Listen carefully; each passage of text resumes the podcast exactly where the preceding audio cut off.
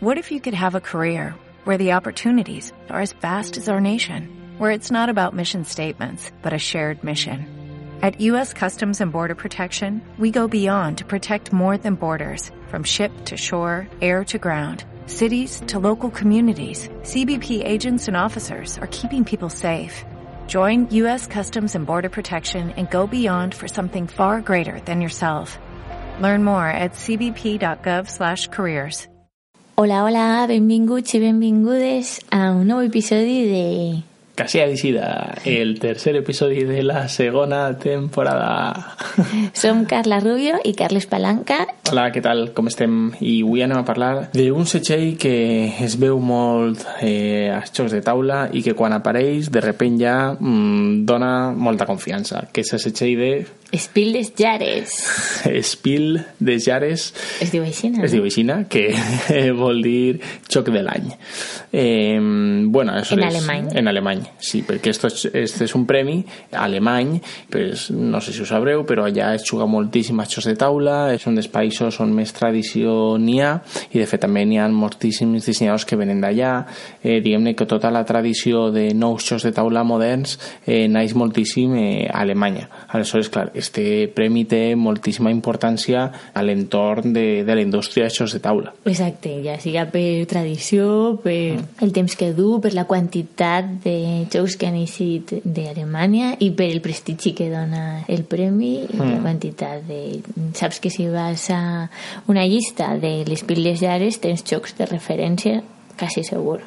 Sí, eh, aleshores, un poquet eh, per, per basar-nos. Què està premiant les Pildes Llares? És realment el millor xoc eh, de l'any segons els alemanys o, o és una altra cosa? Eh, què estan buscant realment? Què ens diu este setxell quan el vegem en una caixa d'un xoc? De què se poden fiar? Este setxell ens diu que és un bon xoc, ja ho parlarem, però quasi tots els jocs que eixen ara són bons jocs, que li agrada a un rang ampli de gent, que és fàcil d'explicar i segurament de jugar, o sigui, sense regles molt enrevesades, que és original i no molt car. Mm, I que és també familiar. Exacte, per això me referia jo al rang ampli de, Sí. de edat i de Tipus de jugador. tipus de jugador, temàtica, Mm. no són temàtiques mai eh, molt conflictives. Ni molt fosques, no veureu ahí... No, No, sé. va ser una temàtica eh, de Arkham, ni una temàtica de guerra civil, No, ni no. una temàtica d'aquest estil. De fet, la majoria de jocs tenen temàtiques això, molt lleugeres, quasi de vegades inexistents, eh, com eh, molts jocs eh, abstractes eh, que són premiats pel jurat. De manera que, bueno, este seria el, el, el primer de tots. Són jocs que estan eh, premiats per justament dirigir-se a, un, a un públic ampli i això és el primer que, que, que, que hem de saber quan ens apropem a, a un joc que està nominat com a Espilejares, perquè potser n'hi ha jocs que ens encaixen més. Si a nosaltres ens agraden això de pensar moltíssim i ambientats, eh, això, com deia, com deia Carla, la Segona Guerra Mundial, un Espilejares mai es donarà un joc d'aquest tipus. Ja sabeu, la idea que vos dona que aquest setxell aparega en el joc. Però clar, és que este, este setxell, no, este, este premi té moltíssima importància a la indústria i quan apareix eh, pot augmentar les vendes d'un joc pf, com 10, 20, 50 vegades el que seria les seues vendes normals. Aleshores, com que té tanta rellevància, eh, volíem comentar així algunes particularitats. Aleshores, Y algunas cosas de historia. això és, Carla, ens expliques... Este és el capítol de historieta de jocs de taula. eh, la qüestió és que les piles llares, quan estem parlant que du molt de temps, és que va començar als 80. eh, en un principi sempre ha premiat els jocs així eh, d'ampli espectre de públic, eh, eh, fàcils d'explicar, etc i sen sense temàtiques conflictives, com dèiem. Eh, després tenia un premi especial que després se va fundar una categoria especial per a xiquets, que és el Kinder Spiel des Llares, i des de 2011 ha aparegut la necessitat de fer uno més expert, que és el Kenner Spiel des Llares, que és això el que significa, no? Expert, Kenner. Sí, que es con Kenner, pues con, con, con, coneixedor. coneixedor no Vamos, sé, que básicamente no que ya, que ya sabes eh, un poquet de hecho de tabla, pues ser ya jugat a varios y ya... Que ja saps interpretar i llegir regles. Per exemple. Mhm. És una del, és, jo crec que és una dels d'escalons que te diuen, vale, ja pots, és eh, llegir i interpretar regles que has agafat el truqui. Això és, repassem, eh, comença l'Espil de Jares normal, eh, cap a finals dels 80 apareix el Kinder, com el Kinder sorpresa, el Kinder bueno, el Kinder Espil, Espil de Jares, que és el de, el dels xiquets, eh, que jo crec que és, és, una, és una cosa bona també, perquè quan vas a comprar un joc o inclús un joguet per a, per a un xiquet no saps quin, eh, moltes vegades estan ben valorats, és una manera de, de, de refiar-te. I al 2011 eh, és quan s'introdueix la categoria d'estos eh, jocs per a experts, este Kenner Spiel de Jare. Això és ara mateix, es donen tres premis eh, cada any. I després de tant de temps les coses s'han anat canviant un poquet. Mm, moltíssim, sí. Eh, això significa que el nivell ha pujat moltíssim dels jocs i sent una quantitat de jocs increïble tots els anys, cada vegada més, i són jocs bons si estan ja editats mm. eh, etc. és que ja han passat molts filtres i avui en dia s'editen jocs que realment eh, estan molt bé això què significa? que si te vas als últims anys de guanyadors d'Espils de Jares ja la gent i el guanyador i diu pues no estic d'acord, n'hi ha un altre que a mi m'agrada més i és el que dèiem Primera, que pot ser a tu t'agrada un que és, que és boníssim i que segurament estigui superben valorat per tota la comunitat de jugadors, però saps els que són, van a ser guanyadors o no de les pilejares, que no són tots. Exemple, en 2009 va guanyar el Dominion, un juegazo, i mm. nominat va estar el Pandemic, un altre juegazo. Doncs un bon any per, als, per a la gent que juga als jocs de taula. eh, això significa que si Pandemic haguera sigut un altre any se l'haguera dut.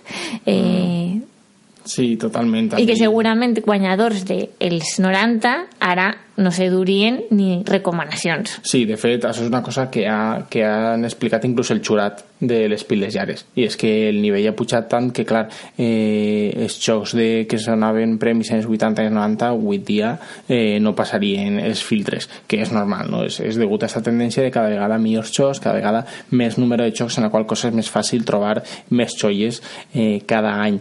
I, i bueno, després eh, també explicar un poquet que es dona eh, el premi en cada una de les tres categories, també es donen eh, els nominats. Nominats. De fet, sempre hi ha un poquet... Com els de- Oscar. Esto, Sí. es, eso es como es Oscar. Tú sabes que els que estan nominats segurament siguen pel·lícules, però saps que són pel·lícules per a. Oscar. Exacte, que no vol dir que No, sea la millor. Que la no vol dir tu que siga lo millor, però tu ja saps a lo que vas quan vas a veure una pel·li d'Oscar. Sí, totalment. I als nominats, igual després la que guanya dius "Ah, és que ha tingut més propaganda. pues, igual, és, és un poquet això, premis de l'acadèmia. Total, sí. De fet, bueno, eh, excepte llevat de que l'acadèmia, estos no són de, de indústria, són un jurat independent. Exacte, un però... jurat independent. Però l'estil Sí, sí, és el mateix. és el Tu mateix. saps quin tipus de pel·lícules encaixen ahí, saps que el que significa que estiguen nominats, això no significa que a tu t'agrada més una pel·li independent o que el guanyador no t'encaixe perquè i si ha eixit una pel·li d'animació que a tu t'agradaria molt Mm. més que la que ha guanyat. Eh, Eh, referimos a això, un altre exemple. En 2005 va guanyar el Niagara, que després s'ha vist en el temps que pues, ni la gent juga tant ni està tan, Ni ha tingut tant ha d'impacte, d'impacte. Mhm. eh, I en els recomanats està Power Grid. Funkenslack. Sí, eh, alta tensión en castellà. Alta tensió que és un joc eh, econòmic de crear centrals eh, a un mapa eh, a diferents eh, ciutats per abastir una xarxa elèctrica. Té una, clar, té una complexitat eh, molt més alta que pot ser un Niagara o alguns altres dels jocs del, de les piles llares eh, que se van donar premis. Doncs saps que no és un joc mm, despremiables per, el, per les piles llares. Igualment- De fet, i any va eixir el Twilight Struggle. Sí. Un altre que per, ja per la temàtica encaixa difícil. que és la Guerra Freda, no? és un joc de Guerra Freda de cartes, uno contra uno, eh, on anirem posant influència dins del mapa per poder controlar-lo i que siga el més comunista o el més capitalista possible. Clar, això no encaixa gens en una temàtica familiar. Per començar, és uno contra uno més, és supercomplicat, bueno, supercomplicat, és prou complicat, Prou complex, i eh? després eh, té una temàtica que, que des de luego no és atractiva per a fer-lo espilejar, però va eixir ese any i clarament doncs, doncs eh, no se'n van portar el premi ni estava nominat nominat i després tampoc estava ni recomanat, que és l'altre eh, tercer grau de mm, pues, valoracions eh, específiques que donen els Exacte. premis. Guanyadors, Mm. nominats i recomanats. Mm. La qüestió és que, com dèiem, eh, ve d'una tradició de prou anys i les coses han anat evolucionant. El nivell ha anat pujant i la gent comença a jugar més, és més experta, però també hi ha gent que comença i vol eh, que si setxell continués eh, significant el que significava. Va arribar un moment que pot ser el punt d'inflexió va ser 2007, 2008 per ahí, que va ser quan va guanyar Zoloreto, un gran xoc, les Piles Llares, i, i, però aquest any va eixir l'Agrícola, que és un joc que per a la, per la comunitat de jugadors és Mm, sí, molt més ben valorat, Molt més ha tingut valorat. molt més d'impacte en com es desenvolupen les mecàniques de col·locació de treballadors, això és clar, és un joc que, que no tinga les piles llares, doncs, com que sap un poc mal. Ella varen crear un, un premi especial exprofeso per a ells. I jo crec que a partir d'ahí se va crear la necessitat de tindre un expert. I per això en 2011 ja van fer el Kenner Spiel les Llares. Clar, vos podeu imaginar que quan és el Kenner Spiel les llares i ja es donen premis eh, específics a jocs un poc més complicats, es permet que la complexitat de les Spiel les llares des de los, del des 2011 fins ara, doncs, eh, aquests jocs premiats siguin menys complexos, perquè eh, realment ja n'hi ha una categoria per a jocs més complexos que pot, eh, doncs, se, se es pot valorar eh, en un premi independent. No? Aleshores, eh, des de eh, fins a 2010 eh, n'hi ha alguns jocs dels Piles Llares que poden ser eh, certament eh, inclús eh, ja complicats, com pot ser el Grande, per exemple, eh, però ja a partir de 2011 esta corba, eh, diguem-ne, comença a baixar eh, prou substancialment. Tenim jocs ja Està- molt senzills com el, El Hanabi, Codenames, Codenames, sí, Codi Secret, el King Domino... que Camel- no vol dir que no ens agraden, eh? no, no, sí, estan, estan superbé, però, però són- és simplement més senzill. són més senzills, no? Eh, aleshores, eh, i això seria una, un poquet una altra cosa temàtic, de les temàtiques que volíem comentar-vos fins a, fins a 2010 eh, serien eh, un poquet poden ser més complexos a partir de, de 2011 eh, baixen un poquet en complexitat i ara sí que volíem comentar-vos eh, un parell de jocs que jo crec que són bona representació del que seria les Llares que seria un dels primers i un dels últims en portar-se I són dos jocs que a mi particularment me xiflen. Clar, parlem d'ells perquè ens agraden molt. Com sempre, però li tinc damunt especial... Carinyo, no? Sí. Perquè jo crec que el primer del que parlem, que és de Premià Tècnic, 1980, que crec que ja ho hem comentat alguna vegada, más piques hem pegat ahí. És el... el Rumicube, El Rumi. el Rumi. Si, si el conegueu, des de luego, eh, segur que vos heu enganxat a jugar. És un joc on teniu fitxes diferents, eh, colors i números, i la gràcia està en que, tal com les heu eh, de col·locar, eh, diguem-ne, sigui una mena de, de domino per entendre'ns, en què tenim unes fitxes que s'han de desfer d'elles, no? i l'objectiu és desfer-te d'elles. Però per a col·locar-les, eh, les has de col·locar fent o un seguit de números en ordre ascendent o descendent, o posant tots els números del mateix, del mateix palo. I has de fer este Diferents tipus... colors. De diferents colors, correcte. I has de fer eh, eh, diferents combinacions. Aleshores, és un joc on estàs ahí pensant moltíssim, escala molt bé de... Desfach esta escala, la partís per la mitad, pero no se pueden quedar menos de dos fiches a soles, y desfach esta, desfach l'altra, desfach l'altra, desfach l'altra. Com estava això? Sí, des de luego fa un poquet de paràlisi per anàlisi perquè realment eh, has de, has de pegar-li moltes voltes de vegades per a eh, desquadrar i quadrar tot el que vols per a clavar la teua fitxa i poder acabar el primer Però desde luego és un joc molt familiar, com És comentàvem. jo crec que moltíssimes famílies Una, juguen. una temàtica sense conflicte, com comentàvem, Sí. eh, que ha tingut molta rellevància i que segurament en l'època va ser una mecànica més innovadora, encara que eh, veu moltíssim dels jocs tradicionals Mm. Sí, de cartes. jo crec que este, la innovació potser no és, el, el, no és la cosa més important, sinó esta senzillesa, Sí. accessibilitat Exacte. i esta diversió quasi immediata. Bueno, Rumicube, eh, personalment nosaltres l'hem jugat moltíssim, tant en família eh, com eh, a casa nosaltres dos, com en amics, és un joc que funciona sempre i a banda escala molt bé, de 2 a 4, que és una cosa que també se sol demanar a estos jocs espillejares, és que puga escalar-se bé, sí. perquè com dèiem... L'únic que passa és que com té tant de temps i tot el món ha jugat en la seva família se creen les normes de la casa que quan jugues en altres amics entren en conflicte. Ja Quina és la norma de la casa teua? Com el parxís, no? I estos jocs, que quin és, quin és la norma de la sí, casa? Tenen tant de temps que, clar, eh, pues, eh, se porten això. Mira, aprofitem per a comentar alguns jocs que s'han portat les piles llares i hem comentat a la primera temporada. Un és el Sherlock Holmes, que comentaven que era un joc prou antic, del 85. El Sherlock Holmes, el detectiu assessor, se'n va portar el, el, el joc de, de les piles llares. Eh, també el Dixit, ja 2010. Hem parlat eh, també de, del Pandemic que va quedar nominat. El Carcassonne, evidentment, a 2001, que va ser... Primer episodi, joc introductori per a tot el món? Sí, eh, doncs ells, per exemple, ser bons, ex bons exemples de, de jocs que guanyen les piles llares i a mi m'agradaria eh, remarcar potser el Hanabi com a un joc que eh, el que té sobretot és eh, la innovació. És un joc on s'agafen les cartes del revés. És a dir, tu veus eh, la part darrere de la carta i no la, la part de la carta que té la informació. I has de fer escaleres de color, bueno, focs artificials, que són les escales de, de color, donant pistes mm. de lo que té l'altra persona perquè l'altra persona jugue i sa carta. Sí. Entonces, li pots dir i sa carta i sa carta es un uno, guiño, guiño.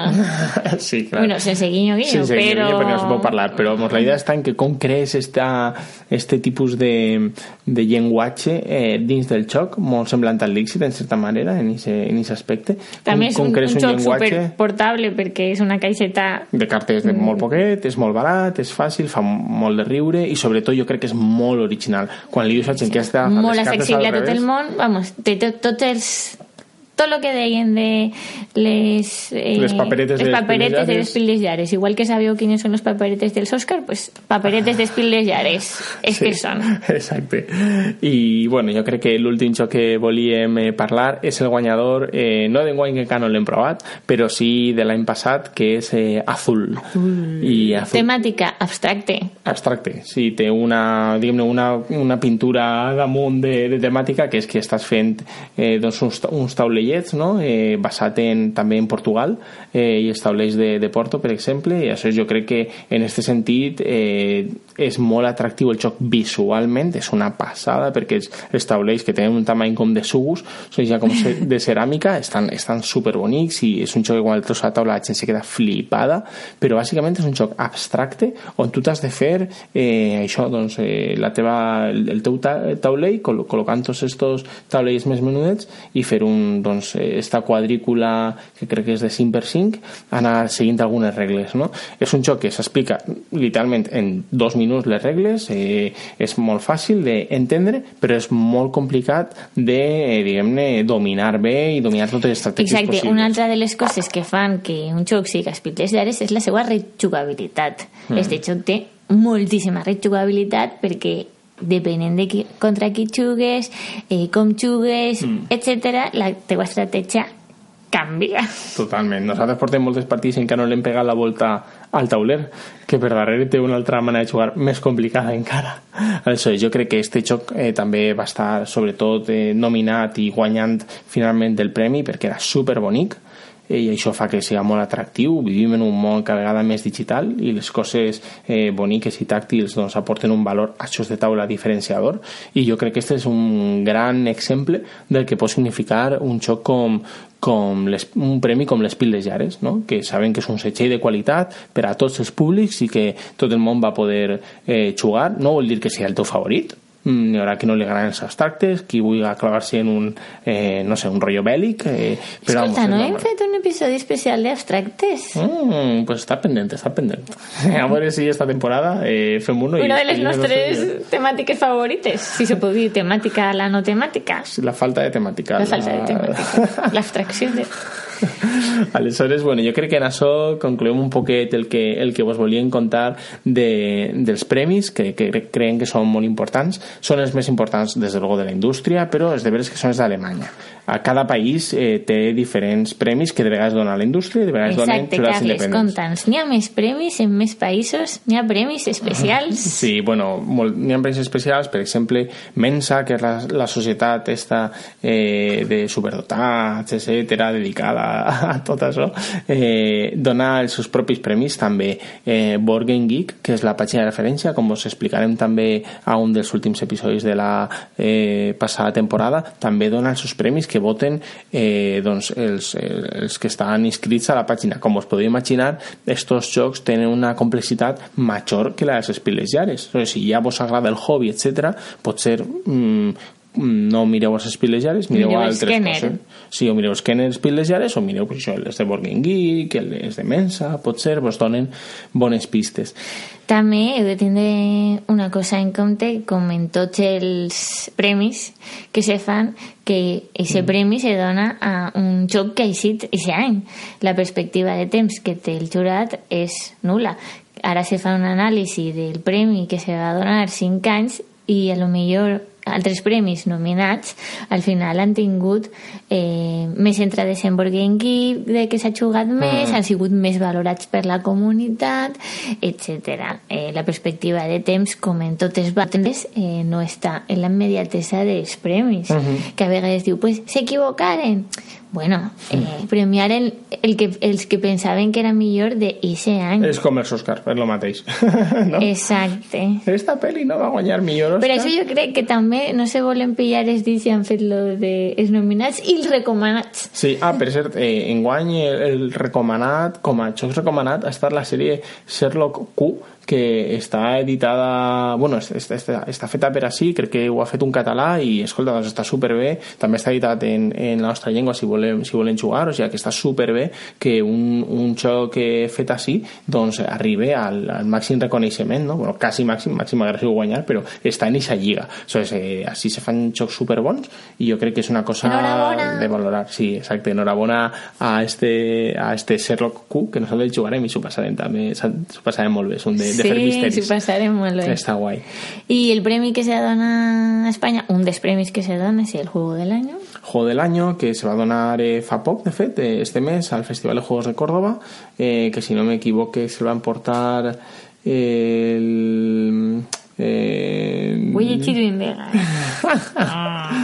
Tito, ti. ¿El Dorada? Exacte, el Dorado. Dorado. Eh, de- Yo dije, ¿cómo no me dices? El Dorado. El Dorado, que és de, que és de Nietzsche, si no recorde, si no recorde malament. És un, és un joc de, de fer construcció de baralla i també té moviment. Este va eixir un poquet a la mateixa època que el Clank, que potser va tindre un poquet més de, de rebombori. A nosaltres, bueno, ens agrada molt el Clank, però bueno, simplement és que este, com ha eixit a Espanya enguany, pues enguany s'ha donat el premi a El Dorado. I el de xiquets s'ha donat a El Monstruo de los Monstruo de Colores, los Colores. que també pues, és, és, un, és un joc molt xulo que també recomanem si, si teniu xiquets. Que se està duent molts premis. Sí, moltíssims, a banda arreu del món, o sigui, està traduït a moltíssims idiomes. De manera que, que un poquet, això ara eh, també volíem comentar que es donen uns premis especials perquè toquen molt a prop de casa i és que coincideixen en les eh, jornades organitzades per Jocs Quart, eh, a Quart de Poblet, que són les jornades eh, Gesta, eh, J-E-S-T-A. Això doncs, eh, serà eh, per tots sants, serà eh, l'1 de novembre, crec que és l'1, 2 i 3, este, este cada setmana, divendres, dissabte i diumenge. Això és, són una, una, unes jornades que vos, eh, que vos volien convidar a anar, eh, on hi haurà ludoteca, on hi haurà eh, zona d'autors per a provar prototips... Bueno, és una manera molt bona de, de passar eh, el cada setmana jugant a jocs de taula o potser provant-ne, que és una cosa que de vegades comentem. És difícil provar jocs de taula, eh, perquè... O inclús eh, aprofiteu les demostracions, que a vegades a mi, bueno, Mhm. a mi alguna vegada me passa, de vull jugar este joc, però me fa un poc de perea o corba inicial d'aprenentatge posar-me a llegir totes les regles de molts jocs i si te fan una presentació que t'expliquen com se juga pues molt millor. Molt millor. Clar. És- Aprofiteu. recordem eh, la eh, edició número 15 de, de Gesta, eh, 2019 ja, eh, de l'1 al 3 de, de novembre a Quart de Poblet, com que la majoria que ens sentiu sou de València, doncs crec que valia la pena eh, remarcar-ho. Doncs ja sabeu, fins així l'episodi d'avui, ja sabeu el que signifiquen alguns dels setxells que n'hi ha als, als jocs de taula, un poc d'història dels espils dels llares, Mhm. I esperem que us hagi agradat. Sí, a les notes de l'episodi pues, deixarem, us deixarem alguns enllaços eh, per a que pugueu veure tots els guanyadors i un poquet de més informació al respecte si teniu curiositat. I si teniu, sempre recordeu, si teniu alguna opinió, comentari, etc que us la deixar en, en Twitter, Instagram, sempre Sí. són benvinguts. Sempre ahí. I si voleu valorar-nos i subscriure-us, pues genial. Denle like i subscríbanse. Adeu. Molt bé, adeu, passeu bé.